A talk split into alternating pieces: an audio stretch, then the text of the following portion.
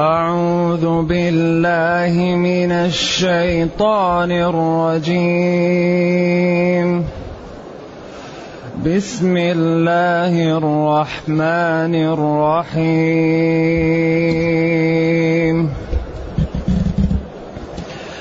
يا أيها المزمل قم الليل إلا قليلا. قم الليل إلا قليلا نصفه أو انقص منه قليلا أو زد عليه. أو زد عليه ورتل القرآن ترتيلا. ورتل القرآن ترتيلا. إنا سنلقي عليك قولا ثقيلا. إن ناشئة الليل هي أشد وطئا إن ناشئة الليل هي أشد وطئا وأقوم قيلا.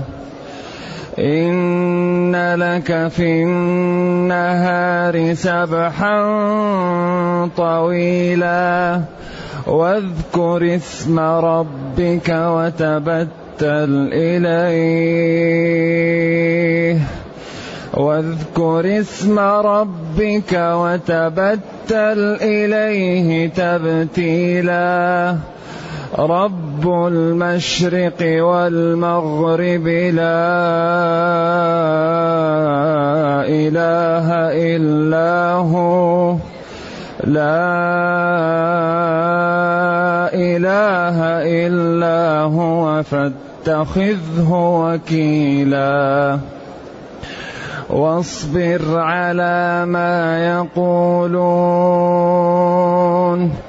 واصبر على ما يقولون واهجرهم هجرا جميلا. واهجرهم هجرا جميلا وذرني والمكذبين أولي النعمة ومهلهم قليلا. إن لدينا أنكالا وجحيما. إن لدينا أنكالا وجحيما وطعاما ذا غصة وعذابا أليما يوم ترجف الأرض والجبال وكانت الجبال كثيبا مهيلا. وكانت الجبال كثيبا مهيلا. إنا أرسلنا إليكم رسولا شاهدا عليكم. رسولا شاهدا عليكم كما أرسلنا إلى فرعون رسولا. فعصى فرعون الرسول فعصى فرعون الرسول فأخذناه أخذا وبيلا فكيف تتقون إن كفرتم؟ فكيف تتقون إن كفرتم؟ يوما يجعل الولدان شيبا. الحمد لله الذي أنزل إلينا أشمل كتاب وأرسل إلينا أفضل الرسل. وجعلنا خير أمة أخرجت للناس. فله الحمد وله الشكر على هذه النعم العظيمة والآلاء الجسيمة. والصلاة والسلام على خير خلق الله وعلى آله وأصحابه ومن اهتدى بهداه. أما بعد فإن هذه السورة تسمى سورة المزمل. وهي من أوائل السور التي نزلت. نزلت بعد اقرأ ينادي فيها الرب جل وعلا نبيه ويأمره بقيام الليل. يا أيها المزمل المزمل للعلماء فيها ثلاثة أقوال. المزمل بالوحي المزمل بالقرآن المزمل بثيابه المتلفف فيها. وهذا أقواها لوروده في حديث صحيح أنه لما نزل عليه الوحي وجاء ترعد فرائصه فقالت له خديجة كلا لا يخزيك الله إنك لتصل الرحم وتحمل الكل وتعين على نوائب الدهر. بعدين ذهبت به إلى ورقة بن نوفل وكان كبيرا كان يعرف الكتب قال والله هذا الناموس الذي كان ينزل على موسى.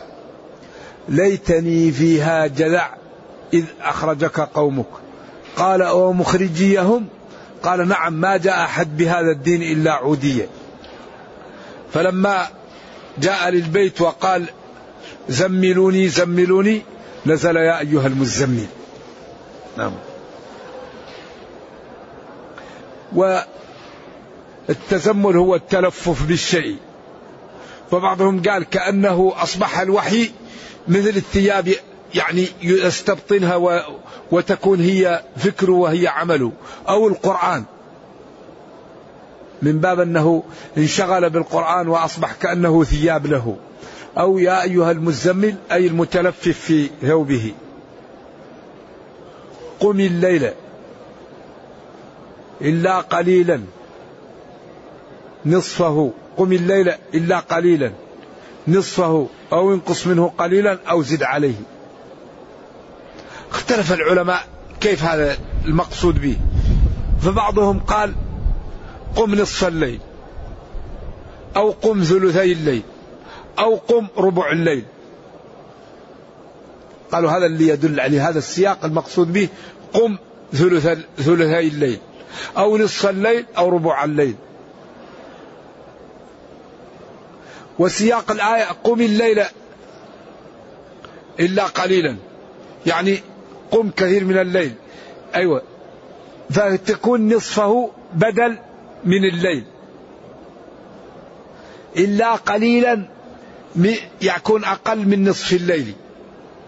أو زد على نصف الليل فيكون الثلثين. أو يكون قم الليل إلا قليلا يعني أقل من من من نصفه وهو نصف النصف وهو الربع. أو زد عليه يعني يكون قم الثلثين. واختلفوا هل قيام الليل واجب؟ على الجميع. أو واجب على النبي صلى الله عليه وسلم؟ أو نسخ عن الجميع؟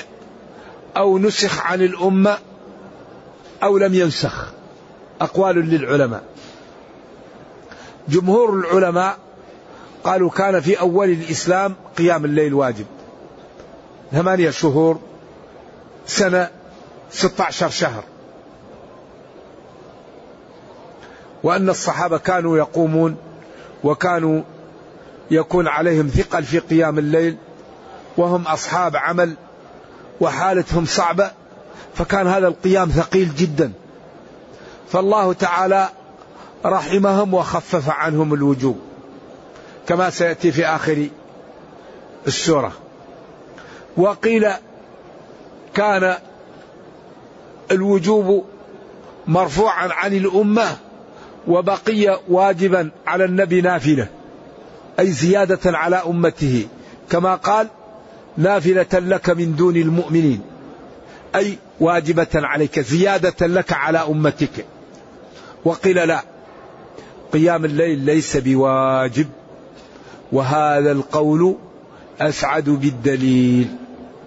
قيام الليل ليس بواجب لكن فيه من الأجر ومن الخير ومن يعني تقوية الإيمان وكثرة الحسنات ومن المتع لمن رزقه الله ذلك ما لا يعلمه إلا الله.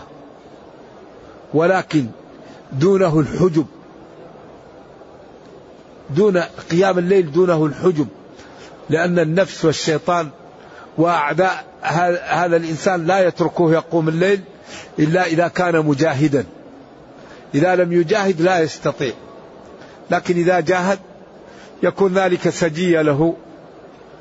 وهذه منح يعطيها الله لبعض خلقه ولكن الله يمن على من يشاء. تجد إنسان علمه قليل ولكنه الله يرزق قيام الليل. وتجد واحد عنده علم وعنده تقى لكن يحرم قيام الليل. فهذه منحة إلهية قيام الليل سر يعطيها الله لبعض الخلق. أيوة. أو زد عليه ورتل القرآن ترتيلا. ولا يوجد شيء مثل يعني قيام الليل ينظر الوجه ويجعل صاحب القرآن لا يخطئ فيه ويكثر الحسنات ويجعلك تفهم القرآن لأن قراءة القرآن في الوقت الذي يكون الجو هادئا كما قال إن ناشئة الليل كما سيأتي. وفي كتب باب قيام الليل وكم يصلى. ما زاد رسول الله صلى الله عليه وسلم في رمضان ولا في غيره على إحدى عشرة ركعة. حديث صحيح. يصلي أربعا فلا تسأل عن حسنهن وطولهن. ثم يصلي أربعا فلا تسأل عن حسنهن وطولهن. ثم يوتر بثلاث. إذا من عمل هذا أصاب السنة. وورد عن النبي صلى الله عليه وسلم أن صلاة الليل مثنى مثنى. فإذا أخاف أحدكم الفجر فليوتر. مثنى يريد يصلي 11 تمام. يريد يصلي 20 تمام. يريد يصلي 30 أربعين خمسين. ما اللي يريد يصلي. من يعمل مثقال ذرة خيرا؟ يرى. لكن كل ما كانت الصلاة بتوأدة وبطمأنينة وبترتيل وبتدبر كان الأجر أكثر. وكل ما كانت الصلاة بعدم إيش؟ آه يعني حضور قلب وخشوع وبعدم ترتيل كان الأجر أقل. ولذلك ورد في الحديث الصحيح من صلى ركعتين لا يحدث فيهما نفسه غفر له ما تقدم من ذنبه. ركعتين بس. لكن من يستطيع يصلي ركعتين لا يحدث فيهما نفسه؟ لم لم يسرح لم يذهب يشرد عقله للدنيا. من صلى ركعتين لا يحدث فيهما نفسه غفر له ما تقدم من ذنبه. لكن حاول تصليهم. كل ما صليت واحدة يجيك الشيطان ويجيك النفس. تذكر كذا. ما يخليك أبدا تسلم ركعتين لا تحدث فيهما نفسك. بعدين قال ورتل القرآن ترتيلا. ورتل القرآن ترتيلا. هذه النقطة بعض العلماء يقول الترتيل ما هو لازم. هؤلاء العلماء الذين يقولون الترتيل غير لازم قولهم ليس لا ليس بلازم. الذي يقول الترتيل غير لازم قوله ليس لازم. لأن إمام الفن من؟ ابن الجزري. قال والأخذ بالتجويد حتم لازم من لم يجود القرآن آثم. هذا إمام الدنيا هذا إمام الفن. والله يقول ورتل القرآن ترتيلا. فيجب على كل من يريد أن يقرأ القرآن أن يرتله. بمعنى يخرج الحرف من مخرجه ويعطيه صفاته. أما التمطيط والترعيد والزيادة هذا لا ينبغي للقرآن. واحد يمطط ويزود ويرعد لا. يعطي لكل حرف صفاته وكل حرف لا عنده صفات لا تقل عن خمسة. وكل حرف له مخرج. فيخرج المخرج من الحرف من مخرجه ويعطيه صفاته. هذا أمر لازم. ولذلك القرآن لا يقرأ وجاده. الذي يهجم على المصحف ويقرأه من غير شيخ لا يجوز. هذا أنا مضطر أقول هذا؟ أقول الذي يهجم على المصحف ويقرأ القرآن من غير شيخ لا يجوز. لا بد لمن يبدأ القراءة أن يقرأ على شيخ حتى يقيم له لسانه بالقرآن عند ذلك يقرأ في المصحف. أما من أول وهلة يأخذ المصحف ويقرأ فيه لا يقرأ القرآن وجادا وجادة يعني تجد الكتاب وتبدأ تقرأ فيه. لا يجوز. لا تجوز قراءة القرآن إلا بشيخ. أول شيء الله علم جبريل. وجبريل علم النبي صلى الله عليه وسلم. والنبي صلى الله عليه وسلم علم أصحابه. وأصحابه علموا التابعين والتابعون علموا أتباعهم حتى وصل إلينا. لكن هذا التجويد لا يأخذ من الإنسان أكثر من شهر. وليس بينه وبين تركه إلا رياضة امرئ بفكه. ما يأخذ منك التجويد أقل أكثر من شهر. فهو سهل. وتعليمه فرض عين. أما تعليم التجويد وحروف الحلق وحروف اللذقية وهذه الأشياء وحروف الاستعلاء والاستيفاء هذه أمور فرض كفاية. لكن تعلم التجويد أي العمل هذا فرض عين لمن يريد أن يقرأ القرآن. لا تجوز قراءة القرآن إلا بالتجويد لا بد أن يجود. ولما قرأ الرجل لابن مسعود براءة قال ما هكذا أقرأنيها رسول الله؟ براءة من الله. وكان يقول ولا الضالين يمد بها صوته. فهذا تساهل بعض الناس بالتجويد القرآن هذا لا يجوز. ورتل القرآن ترتيلا.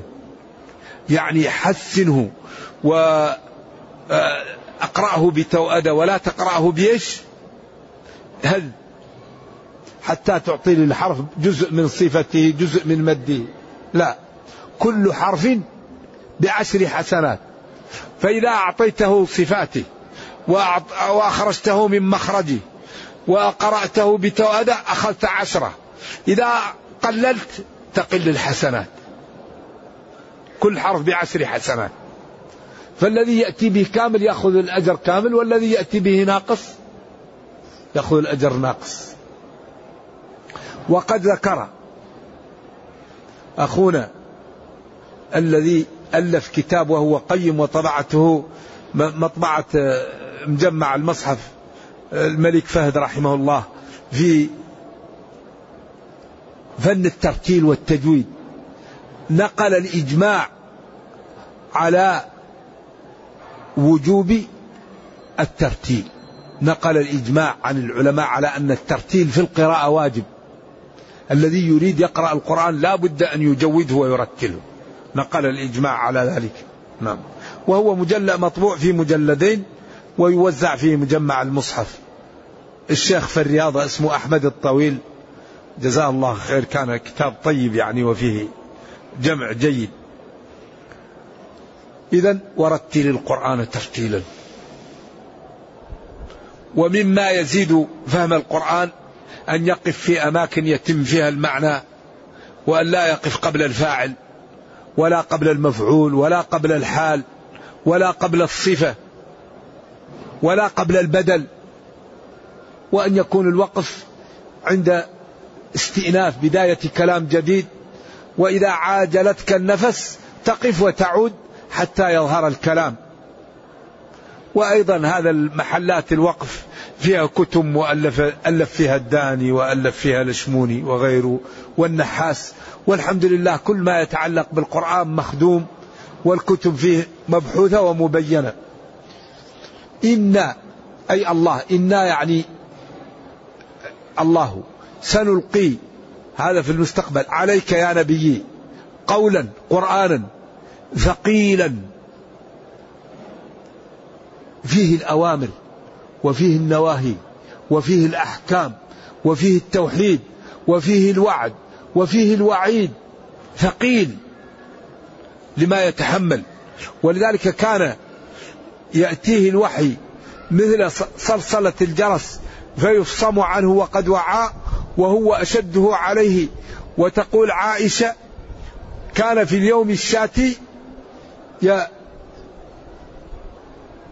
ينزل العرق من جبينه لشدة الوحي. وفي بعض الآثار أنه كان إذا نزل عليه الوحي وهو على الناقة تبرك لثقل الوحي. وقد نزل عليه الوحي وأحد الصحابة يعني فخذه على فخذه فقال كادت فخذي أن إيش؟ أن تتكسر لثقل الوحي. ثقيل حلال وحرام. وأحكام وواجبات ووعد ووعيد أشياء عجيبة. إذا ولذلك هذه التشريع يعني فيه أول شيء ثقل فيها أنها تحول بينك وبين شهوتك. تريد تنظر قل للمؤمنين يغضوا من أبصارهم. تريد تتكلم ولا تقف ما ليس لك به علم. يعني الدين يقف في شهوة الإنسان. والذي وبعدين الوقوف في الشهوة ثقيل على النفس. النفس تحب هواها وشهوتها. ذلك هذا الدين يقف. ونهى النفس عن الهوى.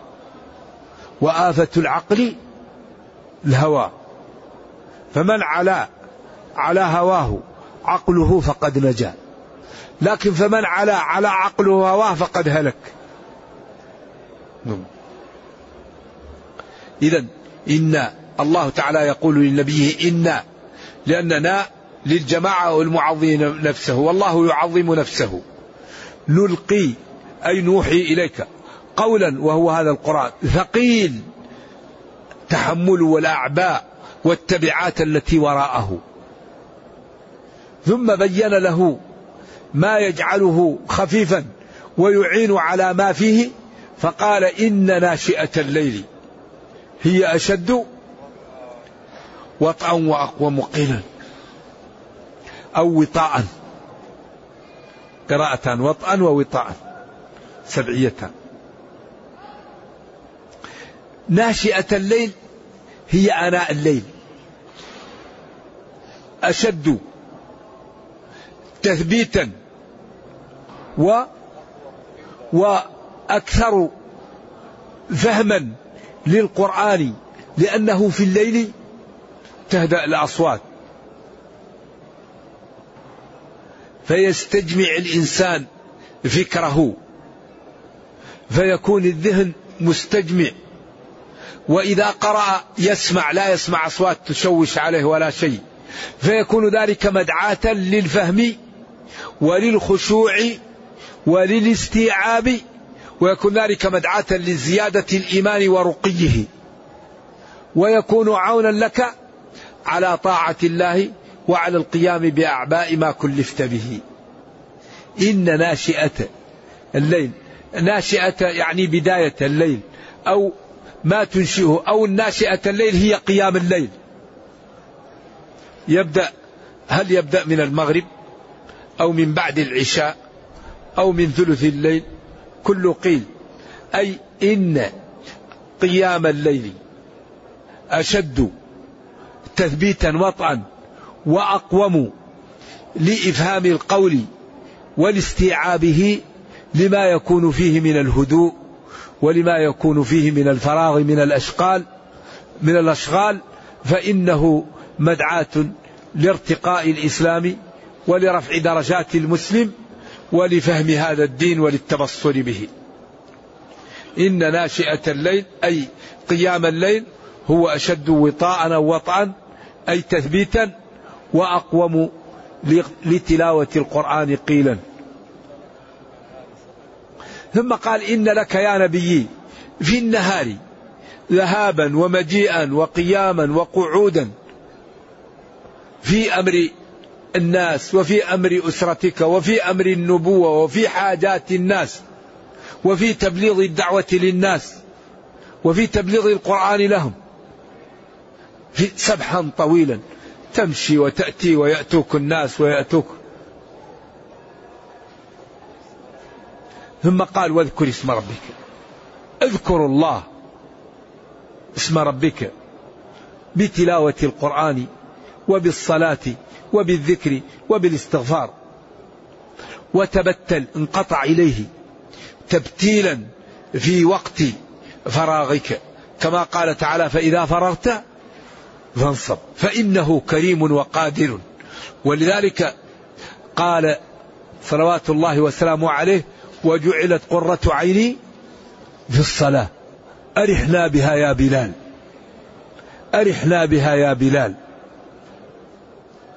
عائشة رضي الله عنها وصلى وسلم على وعن أبيها وصلى وسلم على زوجها كانت بنت صغيرة والنبي صلى الله عليه وسلم محبوب ففي قلبها الغيرة فتستيقظ فلا تجده والغرفة ليست فيها نور فتتلمس فتجده ناصبا قدميه ساجد.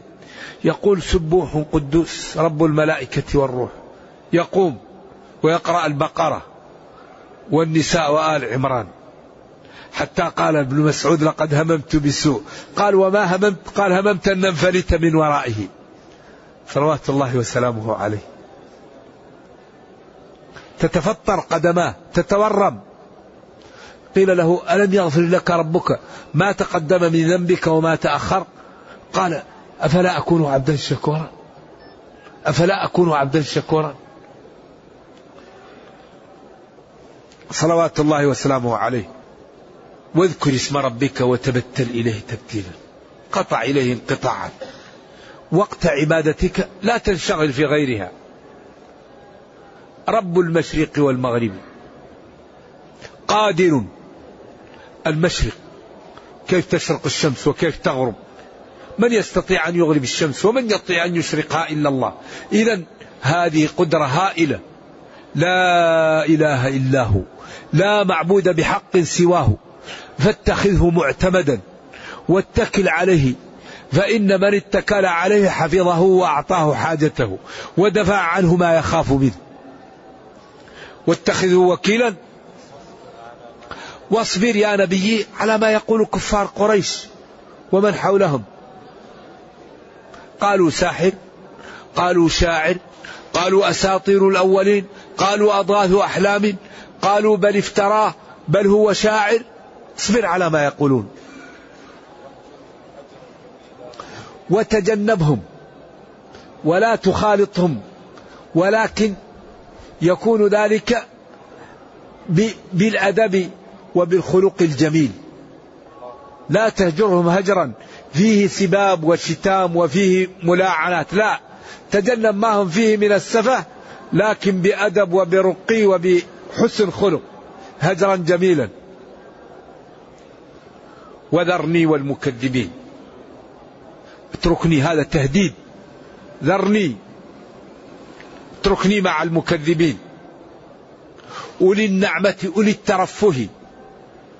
ملبس زايد مركب زايد. بيت زايد. كل شيء ترف. بعدين يسمع حي على الصلاة ما يصلي. يتابع أفلام يتابع مسلسلات. الله يغدق عليه في النعم وهو لا يصلي. يوم يومين أسبوع ما يصلي. هؤلاء أهل النعم التي قلوبهم عياذا بالله اسودت. فأصبح لا يخاف. جاءت الذنوب جاءت النعم وجاءت الذنوب فغطت القلب فأصبح لا يقبل خير. وأكره ما يشوف إنسان متدين. نقر أن يرى مصليا أن يرى صاحب سنة. إذا رآه يغضب. وذرني والمكذبين. مكذبين بالله وبرسله وبدينه. أصحاب الترف أصحاب المتع أصحاب الإسراف أصحاب عدم الصوم عدم الصلاة عدم الزكاة عدم المبالاة أصحاب الربا. كل الذنوب يعملها ولا يعمل خيرا. نحمد الله هذا لا يوجد بيننا والحمد لله ولا يوجد. نرجو الله السلام والعافية. هذه الشريحة الحمد لله لا توجد بيننا. كل الحمد لله الذين نعرفهم مصلون وأهل دين إن شاء الله وأهل خير. ومهلهم أميلهم أميلهم قليلا حتى يأتي يوم القيامة وتأتي آجالهم. إن لدينا أنكال قيود عقوبات وجحيم نار. وطعام إذا أراد أن يبلعه نشب في حلقه. ذا غصة. وعذابا أليما موجعا. نرجو الله السلام والعافية. متى هذا يكون؟ يوم ترجف الأرض والجبال. ترجف تتحرك. فالجبال تذوب وتكون كثيب. والسماء تتشقق ويتغير كل شيء. يوم ترجف الأرض والجبال. الأرض ترجف والجبال ترجف. وكانت الجبال كثيبا. تذوب الجبال تكون كالرمل. هذا الجبل المتماسك لشدة خوفه من الله يذوب. يكون كإيش؟ كالرمل. إنا أرسلنا إليكم رسولا كريما فاضلا تقيا. عاشرتموه وعرفتم صدقه وأدبه شاهدا عليكم يا أهل مكة. كما أرسلنا إلى الطاغية فرعون رسولا فعصى فرعون الرسول فأخذناه أخذا وبيل أخذ مهلك وجيع شديد لا يفلت بعده. فكيف؟ أيها المخاطبون يا كفار قريش فكيف تتقون؟ إن كفرتم يوما. كيف تتقون يوما؟ يجعل الولدان شيبا إن كفرتم. ولكن قدم إن كفرتم لخطورة هذا. فكيف تتقون إن كفرتم يوما؟ كيف تتقون يوما؟ يجعل الولدان شيبا إن متم وأنتم على الكفر. إذا لا تستطيعون أن تتقوا إذا متم على الكفر فبادروا يا كفار قريش بالتوبة وباتباع هذا النبي الكريم قبل أن يحل بكم ما حل بفرعون وآله. واعلموا أنه جاءكم بالرفعة والهداية والسعادة الدنيوية والأخروية. فبادروا بالتوبة وبطاعة الله قبل أن يفوت عليكم الأوان. نرجو الله جل وعلا أن يرينا الحق حقا ويرزقنا اتباعه. وأن يرينا الباطل باطلا ويرزقنا اجتنابه. وأن لا يجعل الأمر ملتبسا علينا فنضل. اللهم ربنا أتنا في الدنيا حسنة وفي الآخرة حسنة وقنا عذاب النار. اللهم اختم بالسعادة آجالنا واقرم بالعافية غدونا وآصالنا واجعل إلى جنتك مصيرنا ومآلنا. سبحان ربك رب العزة عما يصفون. سلام على المرسلين. الحمد لله رب العالمين. وصلى الله وسلم وبارك على نبينا محمد وعلى آله وصحبه. والسلام عليكم ورحمة الله وبركاته. هل تجوز قراءة القرآن بالمقامات؟ الله أعلم. نعم. ما حكم قراءة حرف الضاد بالضاء؟ لا تجوز. لكن الضاد والضاء قريبين من بعض. لكن لا يجوز أن ينطق الضاد ضاء لأن مخرجهم يختلف. ما الحكم أن يقطع الصلاة للبحث عن ابنه ضاع أثناء الصلاة؟ جائز. جائز. الدين يسر. فإذا كان عند إنسان طفل صغير وضاع ويخاف أن يضيع أو يهلك يقطع الصلاة ويأتي بالولد ولو تفوته الصلاة ويصلي. وإذا رأى طفلا يريد أن يذهب إلى نار ليقع فيها يقطع الصلاة ويمسك الولد. وإذا كان في الصلاة وتذكر أن في بيته نار قد تقع حريقة يقطع الصلاة ويذهب لبيته ويطفئ النار. الدين يسر. نعم. وإذا رأى حية قائمة تريد أن تلدغ إنسانا أو عقربا إن استطاع أن يقتلها في الصلاة يقتلها ويبقى في صلاته. وإن كان لا يمكن إلا بقطعها يذهب ويقتلها حتى لا تلدغ أحدا. نعم. الدين يسر. هذا فعل أمر. قام يقوم. أصلها قم. ولكن لما كان بعد أل حرك بالكسرة قومي الليلة أصلها قم. الليلة. فما يمكن والليل ساكن وقم ساكن. ما يمكن ينطق بساكنين. فحرك الأول منهم لالتقاء الساكنين عن طريق الكسر قومي الليلة ما هو, ما هو مسكن. نعم.